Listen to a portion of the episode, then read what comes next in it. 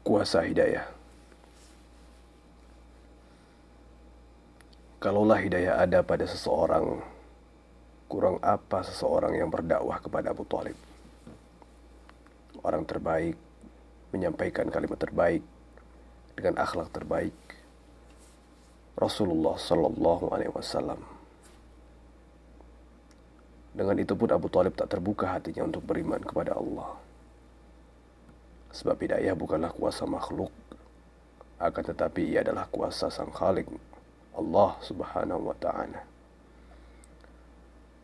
Allah lah yang memberi petunjuk kepada siapa yang ia kendaki. Bukan kita yang memberi petunjuk siapa yang kita cintai. Sungguh engkau Muhammad tidak dapat memberi petunjuk kepada orang yang kau kasihi. Tetapi Allah memberi petunjuk kepada orang yang dia kendaki. Dan dia lebih mengetahui orang-orang yang mau menerima petunjuk. Al-Qasas ayat 56 Maka jangan sekali-sekali berbangga dengan ilmu dan pengetahuan yang dimiliki. Sebab boleh jadi ia menjadi petaka bagi empunya.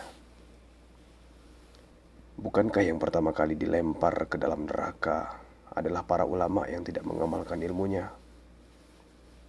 Bagi batu asahan, ia buat pisau menjadi tajam hingga dapat memotong. Namun ia sendiri tak dapat memotong apa-apa.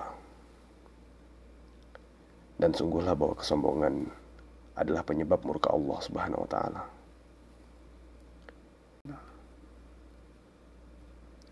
Semoga Allah bukakan hati kita dengan cahaya hidayahnya dan dicabut pula sifat-sifat sombong itu dari hati kita. Madinah, 11 Maret 2020. Ranting Siwak.